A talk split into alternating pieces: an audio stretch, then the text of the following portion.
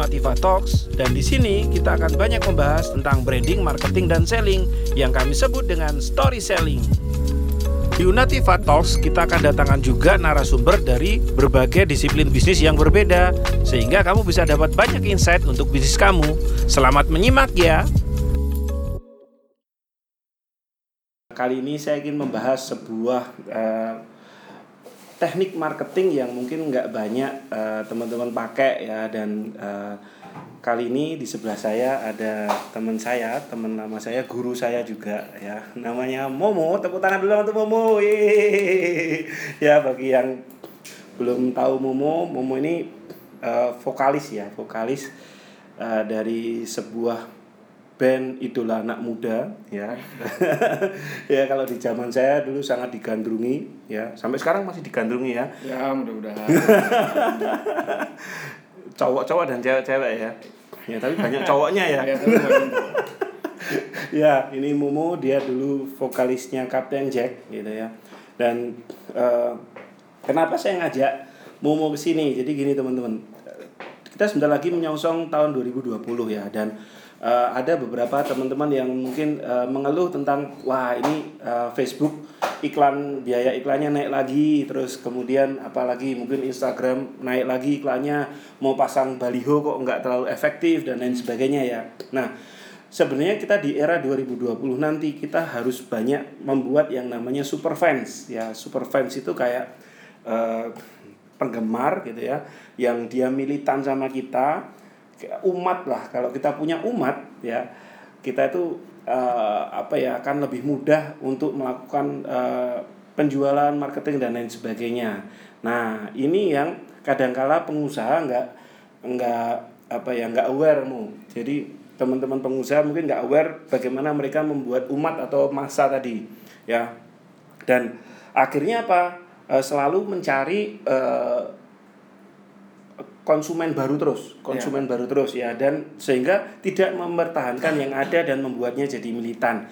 Nah, kita harus belajar ke teman-teman yang musisi, seniman dan lain sebagainya, bagaimana sih mereka tuh sebenarnya walaupun mungkin secara tidak sadar saya tadi sempat uh, apa buka omongan sama Momo tentang bahasan ini. Mungkin secara nggak sadar tapi mereka tuh membangun itu ya, super fans ya dan militan sekali. Mungkin kalau teman-teman yang tahu Captain Jack itu ya bahkan uh, sampai sekarang masih ya ya. Masih masih ada ya Kapten Jack jalan dan sebagainya. Walaupun walaupun uh, saya cerita sedikit Momo ini uh, pendirinya pencipta lagunya gitu ya Bu ya. Hmm. ya pas awal-awal lalu Momo sempat keluar ya Bu ya? Iya aku pada akhirnya keluar. Keluar tahun 2016 2016 jadi Kapten Jack ini umurnya sudah waktu itu waktu itu berapa tahun ya? Udah ya udah udah lama banget pokoknya. Udah lama ya? Udah lama banget ya aku lupa umur berapa. Ya jadi ini termasuk uh, kategori uh, band yang dia melewati kalau kalau UMKM itu eh, kalau usaha itu bisnis uh, bisnis itu dari 100 bisnis yang muncul itu biasanya 90% mati di tahun kelima sebelum tahun kelima. oh, ya lalu sisanya ya sisanya yang yang dari 100 bisnis kan berarti tinggal sekitar uh, 10 bisnis ya, ya dari 10 itu tinggal 80 persen, uh, 80 persen mati sebelum tahun ke 10 hmm. ya artinya hmm. uh, kita bisa belajar dari seorang Momo bagaimana dia build brandnya kuat banget dan bisa bertahan 10 tahun lebih kali ya. Uh, belasan. Belasan, tahun ya. Belasan. Ya jadi belasan tahun brandnya ini masih jalan dan masih punya umatnya kalau mungkin teman-teman ada yang aku nggak tahu nih Kapten Jack. Ya maaf mohon maaf ini memang mungkin di zaman kita ya. Mungkin ini pas zaman old mungkin nggak masuk gitu ya. Eh silakan kalau misal pun ini kalian tinggal search aja tadi Google atau di di YouTube dan segala macam karena kami masih menyisakan beberapa hal yaitu misal salah satunya adalah film dokumenter. Film dokumenter. Film dokumenter di situ sudah sudah ada tercantum semua, semua apa yang ya. ingin kalian lihat ada di situ semua. mm -hmm. dan mungkin bagi teman-teman yang pengen kita berbicara tentang brand gitu. Nah. di film dokumenter itu juga ada juga ya? bisa bisa bisa bisa ambil kesimpulan nah. seperti apa sih brandnya sebenarnya. nah. ada dari situ ya ya ya.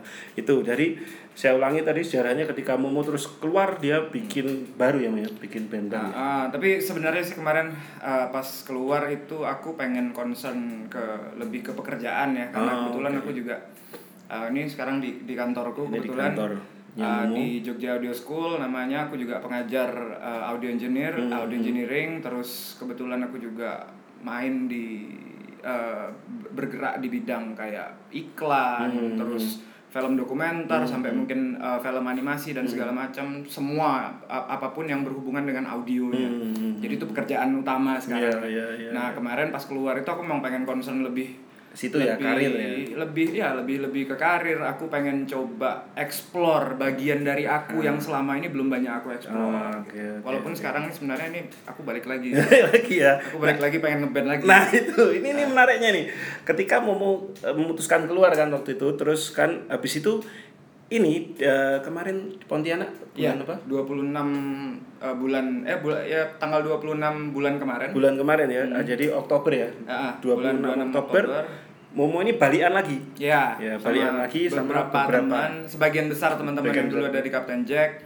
Kami kangen, kangen. kami kangen, kami rindu gitu yeah. dengan dengan aura seru yang ada yeah. di panggung dan segala macam. Ketemu yeah. teman-teman yang memang ternyata masih banyak banget gitu loh masih banyak mas, masih banyak banget mungkin yang misal tadi tadi Mas Auf bilang sebagai uh, super fans atau mungkin bisa disebut umat atau yeah. segala macam ternyata masih banyak banget yang memang masih nunggu kami hmm, buat hmm. kembali dan aku sebenarnya cukup kaget juga ternyata brand yang aku build selama bertahun-tahun ini masih bisa mempertahankan taringnya ke orang-orang hmm. itu yang hmm. yang yang mungkin yang mungkin penting ya ya ya ya ya ya itu dan dan mereka mau konser lagi ya nanti di Jogja bertemu di Desember, Desember. tanggal 22 Desember 22, di lapangan Pancasila UGM lapangan Pancasila UGM dan dengar-dengar nih ini udah hampir sold out tiketnya gitu ya yeah. ya. Sold out tiketnya. Nah teman-teman bayangkan itu super fans ketika dibangun bisa seperti itu.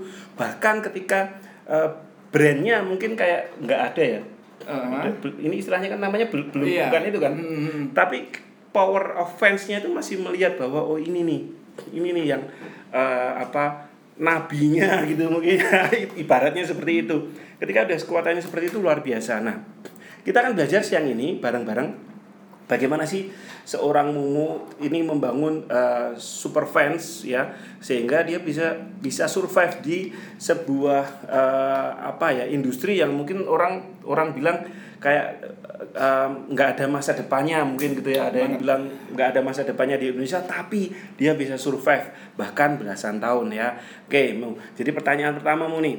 Nah gimana sih caranya Mumu itu dulu membentuk monster jacker ya sebutannya ya? Itu yang yang militan dulu awalnya sehingga mereka sampai kayak hmm, apa ya sampai sekarang masih gitu.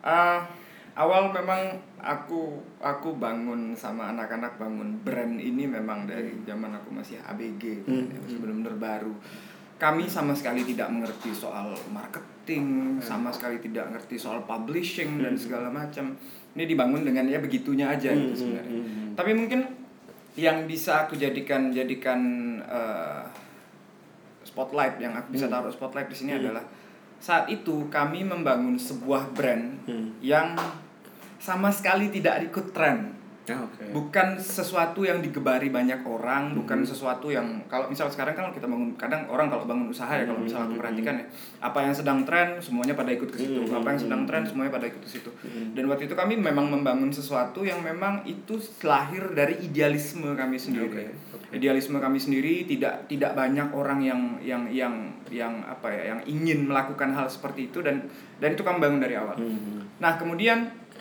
ada banyak sekali gitu suara-suara miring pada saat itu karena pada saat itu industri musik lagi heboh-hebohnya semuanya lari ke Jakarta buat yeah. masuk label dan yeah. segala macam.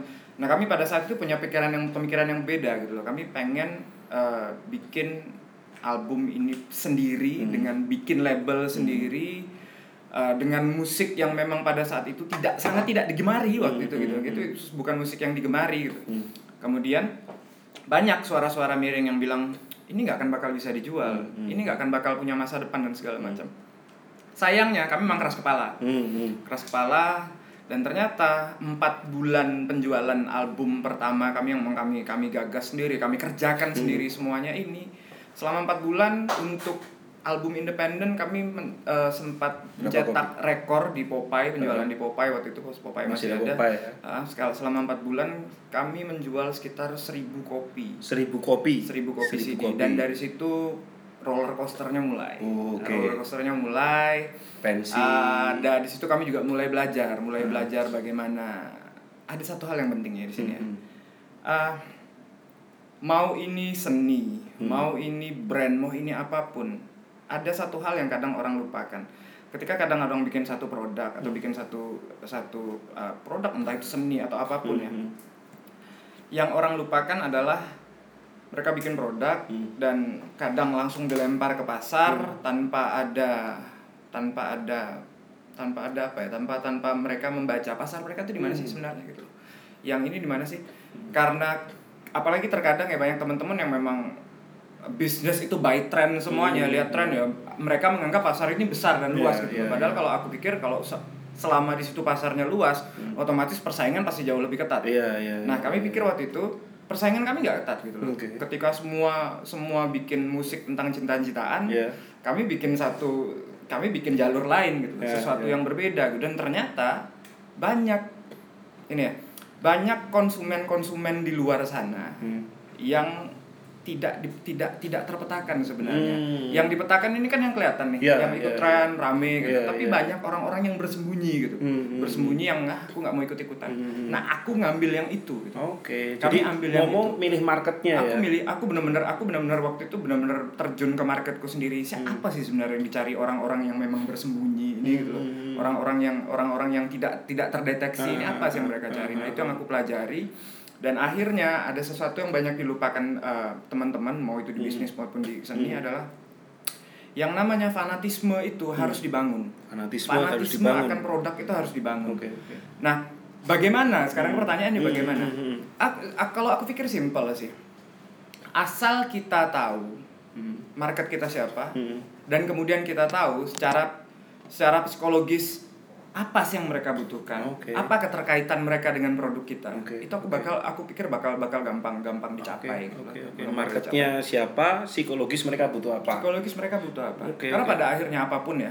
mau itu produk seni atau produk hmm. apa pun hmm. kan semuanya akan kalau kita tarik garis ke belakang hmm.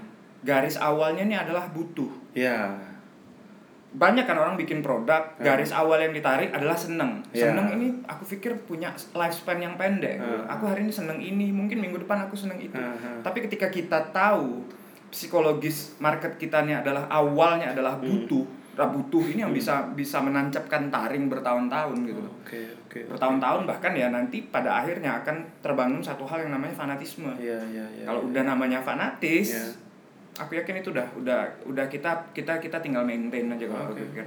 Nah kemarin waktu di Captain Jack mungkin uh, kami memaintain itu, memaintain itu dengan begini. Uh, mereka nggak cuma mendengarkan musik, tapi mereka juga kami libatkan ke kegiatan-kegiatan sosial hmm. segala macam. Jadi ada ada ada saat ketika brand ini nggak cuma diam stay di dalam kantor hmm. dan segala hmm. macam uh, connect cuma lewat sosial media dan segala macam tapi kita keluar bareng melibatkan. ketemu bareng melibatkan diri terus bikin kalau aku pikir ya setiap brand apa pun harus ada waktunya ketika kalian memang mungkin uh, hmm. ada ada simbiosis lah ya hmm. ada pembelian ada ada hmm. ada ada demand dan segala macam hmm. tapi harus ada kalau aku pikir ada giving back to society kalau aku pikir waktu itu aku aku aku libatkan mereka yeah. aku libatkan mereka ketika kami cari tempat di mana kami bikin kegiatan sosial mm. kami sempat bangun bangun ulang panti asuhan mm. kami sempat lakukan sempat itu ya sempat melakukan penanaman penanaman pohon okay. di beberapa tempat bahkan tempat-tempat yang yang yang aku pikir agak susah dijangkau tapi mm. banyak yang datang okay. gitu loh nah itu juga akhirnya menguatkan bondingnya okay. menguatkan bonding antara si brand dengan uh, dengan penikmatnya yeah, gitu. Yeah, yeah. Nah mungkin yang agak jarang-jarang orang mau lakukan adalah uh, kita semua sibuk hmm. riset Google, hmm, hmm, hmm. Google, tapi jarang yang benar-benar mau terjun ke bawah, ke lapangan langsung, ke lapangan ya? langsung, bertanya langsung, hmm. menjalin koneksi iya, langsung. Yeah, karena yeah. kalau menurutku ya, koneksi maya ini gampang runtuh gitu. Yeah, tapi yeah. kalau koneksi nyata, hmm. kalau ketika kalian ada ada ada ada bonding hmm. antara manusia dengan yeah. manusia ini jauh lebih kuat bonding. Yeah, yeah, nah itu mungkin yang kami lakukan sih selama oh, ini. Oke okay, oke okay, keren.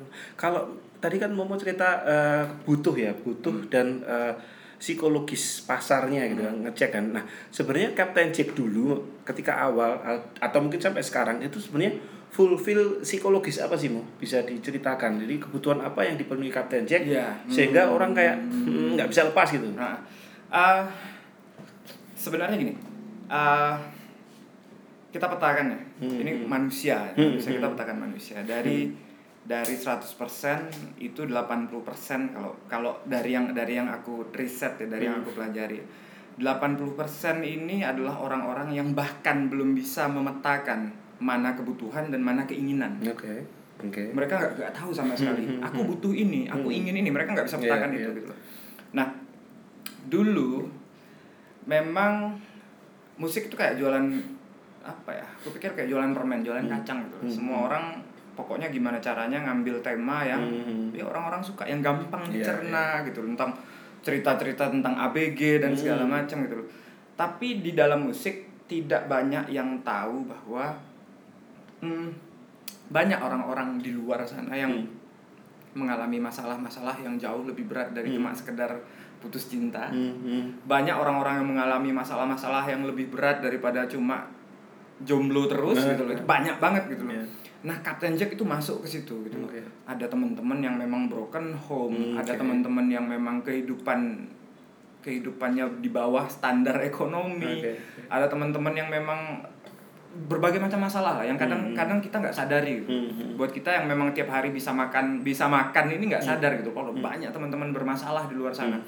Nah, aku mungkin karena waktu itu aku yang nulis karya ya hmm. aku terjun ke situ langsung hmm. aku terjun ke situ mengamati sebenarnya apa sih yang mereka hmm. butuh kalau aku pikir gini pada akhirnya aku nemukan satu teori gitu ini teoriku pribadi ya. hmm. ya kita waktu zaman SD SMP gitu dikasih di di di pelajaran IPS ya kita hmm. dikasih dikasih uh, diajarkan oleh guru bahwa kita manusia itu punya tiga kebutuhan primary hmm. tiga ke, eh tiga dalam kebutuhan hmm. primer kita sandang pangan papan hmm.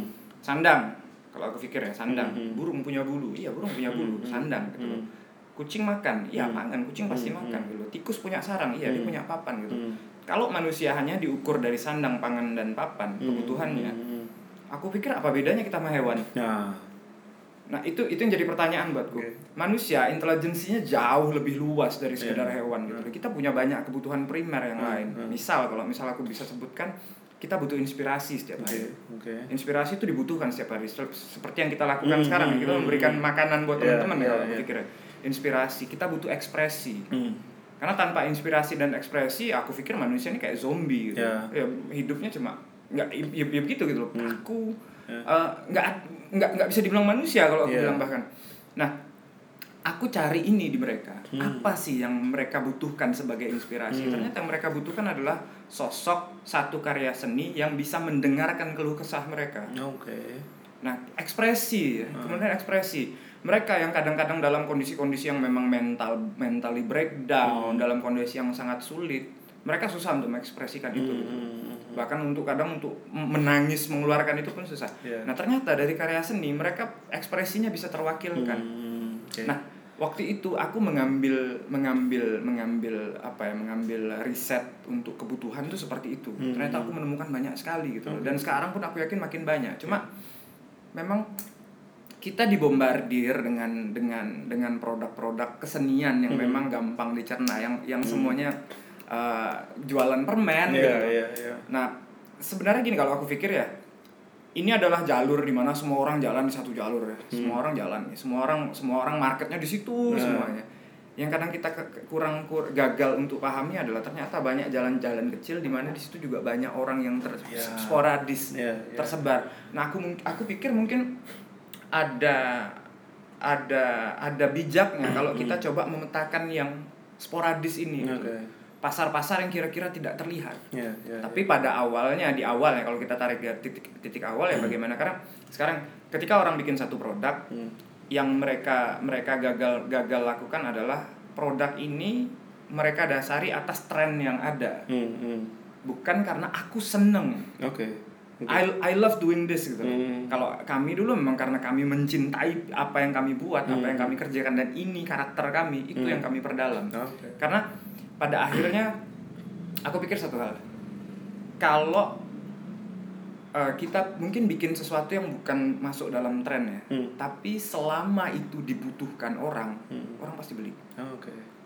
ya ya ya karena ya. setiap hal apa sih istilahnya kebisaan apa istilahnya ya yang ada kalian misal punya skill yang menurut kalian lah skillku nih nggak nggak nggak kepake hmm. nggak hmm. ada orang pasti ada yang butuh yeah. di iya. suatu tempat pasti ada yang butuh kalau kalian nggak terjun ke bawah yeah. ya iya. kalian nggak akan tahu kebutuhan orang apa Oke, okay, oke. Okay. Nah, mungkin itu yang mungkin nice, nice, nice. Jadi jadi Kapten Jack kayak menyuarakan uh, koreksi kalau kayak kalau saya keliru ya. Kapten Jack menyuarakan uh, teman-teman yang sebenarnya dia frustasi tapi dia kesulitan teriak gitu ya. Yeah. Oke, oke. Itu tuh pain pointnya mereka akhirnya uh, dikasih pain reliever uh, lagu-lagunya hmm. gitu hmm. ekspresi sampai ke desain hmm. covernya hmm. sampai penampilan di panggung semua. dan sebagainya semua, semua ya semua. satu package ya satu package oke oke oke oke nah ini kan menarikmu setelah uh, Momo kan membangun Captain Jack lama nih lalu kemarin kan sempat out ya hmm. sempat out aku bilang uh, out gitu sekarang ya out ya hmm. nah itu kan pasti ada reaksi-reaksi super fans yang dia kayak uh, dikecewakan mungkin yeah. dihianati atau hmm. apa tapi kan mungkin juga ada yang juga tetap follow gitu ya hmm. tetap follow ya dengan uh, para birunya atau hmm. apa gitu ya nah ini mau bisa cerita nggak uh, gimana nih reaksi-reaksi super fansnya artinya yang entah dia yang uh, kecewa hmm. ya terus handlingnya gimana terus hmm. sama yang dia memang oke okay, dia bisa paham itu handlingnya gimana mau mau gimana nih menyikapi hal itu di fase uh, itu dulu ya kemarin hmm waktu aku memutuskan untuk keluar hmm. memang karena satu dan lain hal ya hmm. itu sampai mungkin ya mungkin karena ya tadi ya hmm. uh, setiap hal yang dilakukan itu pasti ada resiko hmm. ketika kita membangun fanatisme hmm. dan brand yang mereka fanatik yang mereka yang fanatikkan ini ternyata hmm. pada saat itu harus mundur, hmm. uh, itu kan kacau banget jadinya. Yeah, yeah. Itu kacau banget jadinya. Yeah waktu itu memang akhirnya dari dari dari via via uh, sosial media itu dari yang sebagai dari ancaman hmm. ancaman ada ancaman juga. dari makian dan ancaman ini bukan cuma ancaman ini ancamannya ancaman serem ya soalnya yeah. uh, sampai ancaman uh, tak bunuh gitu ada ada oh, ada kebetulan ada okay. kebetulan ada yang segitunya okay. karena fanatisme yang dibangun yeah. sampai ini sampai setahap ini loh misalnya aku kadang mungkin uh, misal gini aku ketemu dulu ketemu banyak banyak teman-teman ya hmm, yang hmm. nikmatin Captain Jack banget yang hmm. memang dengan dengan sukarelanya dengan hmm. karena keinginan mereka sendiri mereka tato logonya hmm. di sini dan segala macam sampai ada tato loh uh, sampai apa yang bertahun-tahun hidup dengan satu musik yang sama ya, terus ya. ya pokoknya fanatismenya udah udah udah benar-benar benar-benar mendalam gitu ya aku ketemu itu banget dan memang ketika kemarin aku putuskan untuk keluar uh, reaksinya memang menyeramkan kalau aku hmm, bilang okay. menyeramkan reaksi itu cuman pada akhirnya aku juga ngasih mereka pandangan begini uh, bahwa ya dalam hidup tuh kekecewaan itu wajar gitu. hmm. dan aku juga pastikan ke mereka ya aku nggak akan stop berkarya kalau aku hmm. pikir aku nggak stop berkarya aku mengeluarkan karya-karya baru lagi walaupun hmm. itu di atas namakan dasarku pribadi itu solo hmm. dan segala macam uh, akhirnya banyak gitu teman-teman yang tadinya tadinya Marah-marah. bisa dibilang super fans ini hmm. akhirnya mundur.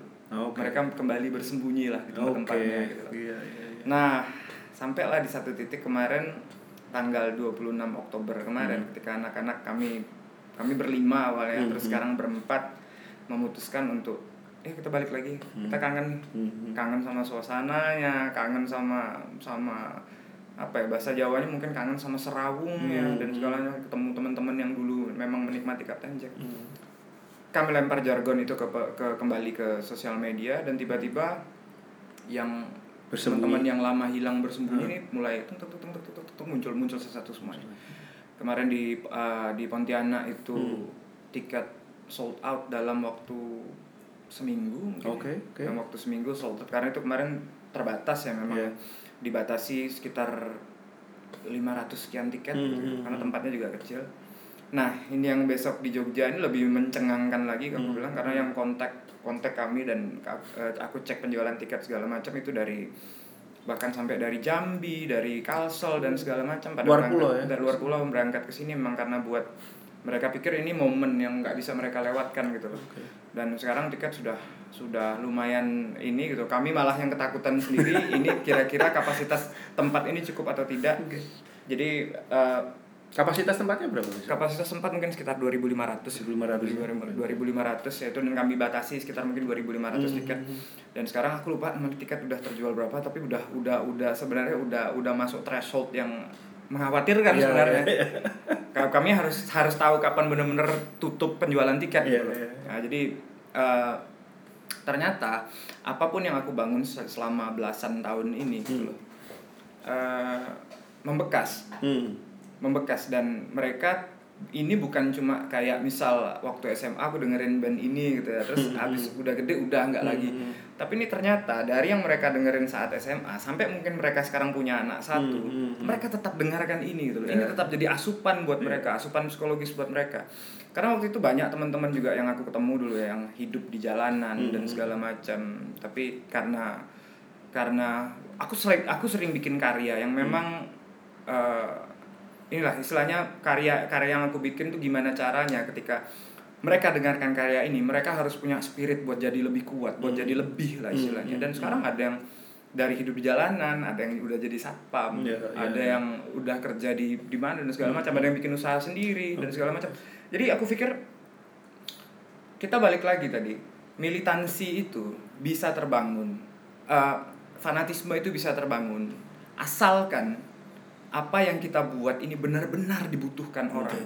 Okay. Dan kuncinya adalah kita tahu kebutuhan orang itu apa. Okay. Okay. Untuk tahu kebutuhan orang itu apa, usahakan sih kita terjun langsung, tidak lewat oh, iya. survei menurut survei yeah, di Google yeah, dan yeah. segala macam. Aku pikir itu bukan hal yang valid gitu loh. Mm, mm, mm. Kalau kita terjun datang ke orang-orang, mm. ketemu dengan dengan orang-orang. Yeah ada kalau aku percaya hmm. pertukaran energi ya hmm, hmm, antar satu orang dengan orang lain ya. Ada sesuatu yang kita kita ngobrol satu topik gitu ya. Tapi hmm. ada banyak pengetahuan lagi yang tidak tidak dalam bentuk bahasa hmm. yang akhirnya kita bisa baca. Yeah. Orang ini butuh ini loh yeah, sebenarnya. Yeah, yeah, yeah. Walaupun mereka ngomong mungkin aku butuhnya ini, hmm. tapi ternyata kita tahu kalau orang ini butuh ini. Okay. Itu mungkin yang yang yang aku dan teman-teman lakukan hmm. dulu ya. Jadi survei itu memang harus turun ke bawah, tahu tahu apa yang mereka inginkan yeah, gitu. Yeah dan ya tadi nggak cuma lewat Google dan segala macam gitu loh. Kita nggak cuma sibuk di dalam ruangan doang tapi kita harus benar-benar keluar. Ya, ya, ya, siap siap. Seru seru seru seru. Ah ini mau uh, kan sempat bikin band baru ya, ya. Momo para biru ya. Hmm. nah itu uh, Monster Jacker yang dulu itu hmm. sempat ada yang uh, apa ya follow Momo juga nggak di sebagian sebagian, sebagian ya? sebagian banyak banyak lumayan lumayan banyak. Uh, jadi begini uh, nih karena mungkin ya aku aku aku sih menganggap aku seniman ya istilahnya. mm-hmm. dan seniman itu bukan orang yang modelnya istilahnya wah ini ini langkah beresiko nih. Kami kadang berpikir pokoknya demi progres kami lakukan apa pun. Okay. waktu itu memang aku bikin satu satu project baru project soloku lah ya Mumur dan Para Biru gitu. Aku pengen explore sisi lain dari dari cara penulisanku sisi lain dari pemikiranku gitu loh uh, aku lebih pengen bikin sesuatu yang peaceful, yang lebih hmm. damai, yang lebih okay. yang lebih lebih mem membangun tapi lebih damai. Gitu. Hmm. Uh, sebagian mungkin memang ada yang ada yang masuk gitu. hmm. dan aku menemukan juga ada ada fanbase baru sebenarnya, okay. ada fanbase okay. baru yang ikut masuk. Okay uh, terus karena juga aku aku juga uh, bikin Momo dan Para Biru tuh juga ada ada link karena itu uh, ini soloku ya terus mm -hmm. ngeling dengan YouTubeku mm -hmm. uh, Kembara Biru mm -hmm. ini yang memang memang ide, uh, raw, apa ya akrab dengan dunia petualang petualangan mm -hmm. dan segala macam karena di Momo dan Para Biru tuh aku lebih masuk ke musik seperti petualangan oh, seperti okay. eksplorasi lebih ke alam dan segala macam mm -hmm. dan di situ aku nemukan fanbase baru sebenarnya okay. fanbase fanbase baru ada identitas baru ada ya, identitas baru gitu loh. Nah, da, tapi ya memang mau nggak mau aku harus mengakui itu salah satu apa ya, hmm. salah satu eksperimenku gitu. Eksperimen hmm. terhadap apa aja sih sebenarnya yang yang yang yang bisa aku lakukan selain hmm. apa yang aku lakukan dulu gitu. Hmm. Nah, balik ke sini pada akhirnya uh, aku akhirnya nemukan ternyata eksplorasi diri sendiri ini hmm. juga penting gitu. Hmm. Eksplorasi eksplorasi ide kita hmm. ya akan sesuatu tuh juga juga penting banget okay. gitu untuk menghasilkan sesuatu yang baru. Gitu. Okay. Nah di sini aku jadi aku jadi punya kebebasan yang yang luar biasa kalau aku pikir aku bisa lintas ke bagianku yang sebelah ini, hmm. aku bisa lintas ke bagianku yang sebelah hmm. itu gitu loh. Dan ya bisa aku bisa punya bisa bisa meyakinkan aku bisa punya punya lebih banyak lagi teman-teman yang memang connect gitu dengan hmm. dengan hmm. apa nggak cuma dari satu kalangan-kalangan yang frustasi yeah, yeah, tapi yeah. juga kalangan-kalangan yang nyari uh, apa ya nyari petualangan dan segala okay. macam. Oke okay, oke okay, oke. Okay. Nah terus ini kan uh, mau reuni lagi kan dalam rangka kangen tadi kan. Mm-hmm. Nah, tapi ke depannya itu apa mu yang akan ditawarkan identitas? Kan tadi identitasnya ini frustasi, mm-hmm. Jack. Mm-hmm. Terus para biru petualangan mm-hmm. nih. Nah, ini ketika balik lagi ke yang band yang belum bernama gitu ya band yang bertemu belum di belum sebenarnya belum belum kami beberkan. Oh, belum dibeberkan ya? Belum, besok besok mungkin besok itu ya. itu. Nah ini apalagi identitas apalagi yang yang mungkin kalau boleh kasih bocoranmu? Karena ini mungkin yang nonton uh, ada monster jacker juga gitu ya. Ini uh, apa identitas apalagi nih yang akan di, dibentuk oleh Momo supaya mereka kayak oh ini tempatku banget gitu. Hmm. um, yang pasti ini sih kalau karya ya hmm. karya produk aku pikir sama sih semuanya hmm. seni sih hmm. kalian juga entrepreneur tuh aku pikir itu itu seni seharusnya hmm. itu harusnya jadi seni gitu hmm. uh, yang pasti sih karya yang baik menurutku itu akan lahir dari kegelisahan hmm. dan kalau kita ngelihat situasi sekarang hmm. ini gitu kan ketika orang-orang dengan gampangnya di, di disetir ke arah kiri, disetir ke arah kanan, hmm. semuanya ketika ada satu tren yang ini semuanya ikut. Hmm. Mungkin yang baru-baru ini besok mungkin aku akan coba cari aku mengumpulkan ulang gitu. Hmm. Orang-orang di luar sana, orang-orang yang gelisah. Hmm. Kan akan banyak banget orang-orang yang hmm. gelisah. Hmm. Dan itu akan coba aku aku akomodir. Hmm. Aku aku suarakan ekspresi mereka itu. Jadi jadi uh, aku bisa dibilang aku coba mengawinkan hmm. konsep yang dua dulu yang pernah aku hmm, jalani hmm. dari orang-orang yang frustrasi hmm. terus orang-orang yang memang pengen bebas bertualang hmm. segala macam aku kawinkan kedua konsep ini hmm. dan aku ketemu bahwa sekarang banyak-banyak orang-orang orang-orang yang gelisah gelisah hmm. dengan situasi apa yang harus kita lakukan orang-orang yang kehilangan semangat karena ngelihat situasi sekarang udah aku udah nggak tahu lagi apa yang hmm. harus aku lakukan hmm. jadi uh, mungkin mungkin sekitar situ sih hmm, kalau gue pikir. Okay, Terus kalau misal uh, segi segi kreatifnya gue pikir ya um, di industri kreatif kita nggak bisa berpikiran konservatif kalau hmm, hmm. jadi harus harus selalu progresif harus harus mendorong terus apa yang baru apa yang baru apa yang hmm. baru tapi yang pasti buat besok ya memang aku aku aku udah siapkan beberapa konsep baru hmm. gitu hmm. beberapa konsep baru konsep konsep konsep penjualan baru hmm. hmm. karena kalau misalnya di Captain Jack juga uh, kami ba bikin banyak bikin terobosan-terobosan baru hmm. dari mulai mungkin kami yang pertama ya kami dulu band indie Jogja pertama uh, yang bikin konser tunggal hmm. Hmm. terus kami band band indie Jogja pertama yang punya uh, film dokumenter dan ada banyak hal waktu itu ada banyak hal jadi kami kami berusaha bagaimana caranya selalu progresif hmm. kalau yang ditanyakan ke depannya mau seperti apa hmm. aku kira ini kejutan oh kejutan ya oke okay. cuma itu yang bisa aku bagikan oke oke okay, okay. siap siap siap siap nah kita ngomong agak ngomong bisnis nih mau ya. uh, kan teman-teman ini perlu tahu nih apakah super fans ini apa hanya menghabiskan energi saja atau juga ada sisi bisnisnya? Karena kalau menurut saya pribadi ketika kita sudah punya super fans mereka mereka akan keluar berapapun maaf apa uang yang misalkan kita tawarkan apa nih. Hmm. nah Momo sendiri ngalami nggak support super fans Momo selama ini dalam bentuk apa ya uh, profit. profit ya? Profit ini biasanya mereka apa aja mau atau hanya beli CD atau apa atau apa Um, kalau aku pribadi nih, aku pribadi hmm. ya, tapi ya.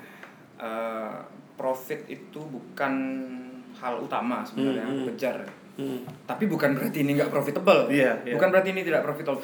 Tapi profit bukan hal utama. Hal utama yang waktu itu aku kejar adalah memang uh, masa sih kalau hmm. pikir seberapa banyak orang yang akhirnya bisa bisa bisa ini bisa masuk gitu loh bisa masuk ke ke, ke sini gitu loh uh, support seperti apa tapi yang pasti ya ketika kita keluarkan album ya misalnya hmm. kalau mereka udah benar-benar yang teman-teman yang fanatis ya. hmm. ya karena penjualan CD di Indonesia ini parah sekarang ya, yeah, yeah. penjualan fisik di Indonesia ini parah apalagi sekarang hmm. dengan adanya penjualan digital dan segala macam hmm, hmm. tapi ketika mereka fanatik hmm. itu mereka sudah pasti beli pasti beli ya sudah pasti beli kalau kita bikin konser ya uh. kita bikin konser yang yeah. tadi tiketing tuh susah gitu loh mm -hmm. tiketing tuh susah kalau mereka nggak ah ngapain sih mesti bayar mm -hmm. kalau mereka fanatik mm. mereka pasti beli oke okay, okay. terus uh, banyak lagi misalnya uh, ini yang ini yang mungkin yang yang mm. jadi ini jadi jadi apa ya side-nya sih sebenarnya waktu pas di Hmm, itu merchandise merchandise ya dari kaos dari topi dari apa pun Hmm. Eh, misal ya kalau misal nih kita profit kan mau nggak mau ya Hmm. orang harus ngomong iya iya iya iya Eh, setiap kami live main gigs di mana Hmm. misal gigs gigs besar lah kami dulu sering ikut ikut brand-brand rokok ya Hmm, pasti ya tour dan segala macam Hmm. dulu eh, rata-rata setiap setiap kami main ya Hmm. dari Merchandise. dari merchandise itu minimal Hmm. minimal itu keuntungan eh, bersih ya Hmm, bukan hmm, keuntungan kotor ya hmm. keuntungan bersihnya itu mencapai 5 sampai 10 jutaan 5 sampai 10 juta per eh, gigs per gigs ya. Gigs. Padahal Kapten Jack ini raja pensi Jogja. raja pensi Jogja dan manggungnya mungkin sebulan bisa ya lumayan lah lumayan. bisa lebih dari jumlah hari yang ada di bulan itu. Karena kadang-kala sehari kan dua kali kan sempat kan sehari dua Ah, kali. kadang-kadang ada yang sehari sehari dua kali. Tapi yang pasti gini sih, per bulan itu biasanya kami target minimal itu 4 sampai 6 kali per Hmm, bulan, hmm, tapi hmm. kadang ada yang bisa sampai 10 kali Iya, per iya, bulan iya. dan segala macam. Nah, ah, dan merchandise itu yang memang profitable banget. Iya, iya, iya, Merchan- iya. Merchandise ketika Menghidupi ya, diolah, gitu ya. diolah itu profitable banget. Oke. Walaupun ah, buat buat kami gitu Hmm. yang yang yang memang yang memang jadi jualan utamanya di sini ya kami Hmm. tinggal terima tinggal terima persentase Iya, dan iya, iya. dan keuntungan dari dari dari merchandise itu diputar lagi diputar Iya, lagi iya. diputar lagi dan pada akhirnya dia uh, uh, terus tumbuh gitu loh Iya, jadi ini iya. yang jadi side-nya gitu Iya, iya. kami kadang pun kadang kadang gini ya di musik kita nggak selalu pikir wah bulan ini kencang bulan depan mungkin bisa jadi seret gitu Iya, iya. tapi waktu pas bulan depan seret dari merchandise aman Aman ya. udah nutupin Oke, gitu. jadi oke. ah, kira-kira kayak gitulah Oke, oke. orang karena bilang kan kalau uh, uh, musik ya musik ini bukan sesuatu yang bukan yang apalagi bapak-bapak ibu-ibu kita Hmm, bilang hmm. kamu mau jadi apa dengan musik?" ini profitable banget serius. Iya, iya, kalau iya. kalian manage ini dengan baik kalian uh, kalian market dengan baik ini profitable banget Hmm, hmm. profitable banget aku bisa aku bisa janjiin itu Ya, ya, ya itu kan keren kan. Jadi eh, di di dunia yang orang Indonesia sebagian besar masih lihat "Ah, ngapain sih kamu kok hidup di musik atau apa? Itu ternyata ada ceruk-ceruk yang ketika kita bangun fanatisme tadi itu profitable gitu ya dan menghidupi ya Iya, ya. menghidupi. menghidupi. Dan uh, gini lah, mungkin istilahnya banyak mungkin teman-teman yang nggak Hmm. tahu ini, ini Kapten Jack ini makanan apa sih dan mungkin ya yang nggak tahu kan Iya. bisa Karena hidup banyak loh. banyak yang nggak tahu, banyak yang nggak tahu. Istilahnya ya, kami kami band band itu kan ini band kecil gitu ya, band kecil uh, punya masa lumayan lah, sudah banyak gitu. Kalian mungkin lihatnya kalau misal bandingannya sekelas Lawn Seven atau Nah. Wah itu mereka lebih gila lagi aku pikir. Profitnya jangan jangan Iya. salah, itu lebih gila lagi gitu loh. Kami aja waktu itu kami bisa menghidupi tim sebanyak 15 orang. 15 orang 15 Oh. orang. 15 orang itu yang benar-benar ya bisa hidup layak Ya, oh. bisa hidup layak pada saat itu hidup layak pada saat itu dan eh, aku pikir selama sesuatu itu di manage dengan baik Hmm. selama sesuatu di publish dengan Hmm. baik di market dengan baik Hmm. ya pasti akan ada profitnya Oke. pasti akan ada profitnya tapi eh, ketika kalian membangun ini awalnya sudah profit oriented Hmm. nah ini yang mungkin menurutku agak-agak agak-agak berbahaya Oke. sebenarnya Oke. kalau aku pikir kemarin yang penting aku bisa memberikan nilai guna buat Oh, siapa pun oke. pendengarku guna ya. Value aku dulu bisa ya. ada value-nya ada ada Hmm. ada ada ada kebutuhan mereka terpenuhi. Hmm. Ketika kebutuhan mereka terpenuhi, otomatis profit itu pasti datang. Masuk ya. Oh, Oke. Jadi yang penting berguna dulu baru beruntung. Oke, oke. Ya ini selaras dengan apa yang sering saya share tentang value ladder ya. Ya, kita ada tools mau namanya value ladder. Bagaimana kita kasih value itu dulu di depan. Ini kayak, kayak mungkin teman-teman live kayak gini kan value ya free, berguna, dia bisa bermanfaat. Akhirnya nanti naik ya mau ya. Nanti eh, mereka dengan kayak jadi kebutuhan mereka Ya. sendiri ya. Ya. Super fans itu ya. Ya. Oke oke ya jadi itu teman-teman eh, bagaimana kita bisa membangun super fans ya Eh, kita harus pilih kalau saya boleh ringkas ya Mo ya yang pertama kita harus tentukan dulu marketnya kita itu siapa Ya. karena nggak bisa semuanya kayak Momo tadi cerita Hmm. ada orang-orang yang bersembunyi Iya. sporadis Hmm. nah itu harus kita petani dulu kalau bahasa Jawanya ya terus kemudian kita harus riset ya bahkan beliau pun risetnya sampai turun ke jalanan gitu ya turun ke jalanan kita ngomong sama market saya kemarin soalnya habis workshop ketika ditanya mas ini harus harus riset. Iya riset. Kamu tanya marketmu. Wih serius? Iya tanya. Kadang-kadang mereka masih bingung untuk riset dengerin langsung orang gitu ya. Yang beliau lakukan ini riset turun langsung lapangan mungkin nongkrong bareng gitu ya mau ngobrol-ngobrol bareng dan sebagainya langsung ke marketnya ya. Itu. Terus uh, kemudian ketika kita uh, pengen membangun super fans yang pertama yang harus kita lakukan adalah kasih value dulu ya sehingga kayak give dulu nanti profit akan naik. Tadi teman-teman sudah dengar bocorannya itu tadi profit segitu itu bukan tahun ini loh ya ini tahun-tahun yang lalu gitu. Mungkin lima tahun yang lalu mungkin kalau angkanya lumayan besar waktu itu ya mau ya. Terus sekali main gitu ya. Ya bisa lah kalau cuma apa eh, rumah atau apa gitu. Jadi padahal mungkin teman-teman yang mungkin di luar Jogja atau tidak hidup pada zamannya itu siapa sih Monster Jack gitu ya dan ternyata bisa seperti itu ya. Jadi uh, ada tiga tips tadi yang dari Mumu uh, yang teman-teman bisa mulai praktekkan nih ya untuk membangun super fansnya gitu ya. Jadi uh, mungkin itu mau kita bahas bincang-bincang uh, kita siang hari ini. Mungkin Mumu ada ada pesan-pesan di menit-menit akhir ini mau untuk teman-teman dalam rangka kita membangun super fans kita mu. Uh, yang terpenting sih menurutku har eh, bagaimana caranya ini bukan bukan bukan bukan buat teman-teman yang bangun bisnis atau segala macam tapi semuanya lah mungkin ya hmm, hmm. untuk bisa apa ya memetakan sebenarnya hmm. dunia ini ya mau tidak mau kita harus harus punya cara pandang yang jauh lebih hmm. luas gitu loh karena sekarang kalau aku lihat aku pikir uh, manusia semakin ke sini ini cara pandangnya semakin sempit hmm. Hmm kalau kalian memang pengen punya dapat kesempatan baik kalian pengen dapat dapat dapat solusi atas apa pun hmm. masalah yang sedang kalian alami hmm. sekarang buka cara pandang lebih luas ketemu dengan lebih banyak orang okay.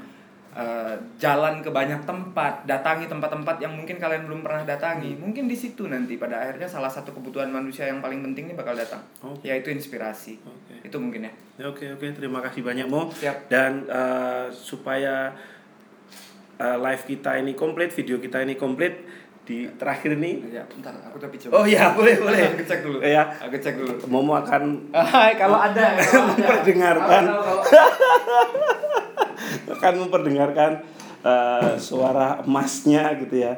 Uh, jadi tunggu sebentar, Momo sedang ambil gitar gitu ya. jadi uh, itu tadi Kenapa saya saya senang menghubungkan ini karena basically ketika kita ngomong art, ngomong seni, ya ngomong band itu sama juga kok bisnis juga gitu oh, bisnis Mas juga. Auf ternyata oh, tidak okay. di sini. Oke, okay, nggak apa-apa. lagi diangkut. Oke, okay, jadi Momo akan memperdengarkan sedikit aja Mo ya apa? Uh, referennya atau apa gitu. Ah, jangan aja. Pokoknya gini aja. Teman-teman silahkan datang ke ke YouTube atau ke mana oh, atau iya, iya, okay. atau ini, iklan ya atau kalau memang kalian penasaran atau ada yang tahu ada yang tahu dan segala hmm, macam hmm. silahkan datang 22 Desember di lapangan Pancasila UGM jam 7 malam. Oke. Okay. Uh, YouTube-nya apa Mo? Uh, sekarang aku di uh, YouTube silakan coba cari Kembara Biru. Kembara di situ Biru. di situ banyak tentang petualangan dan lain-lain.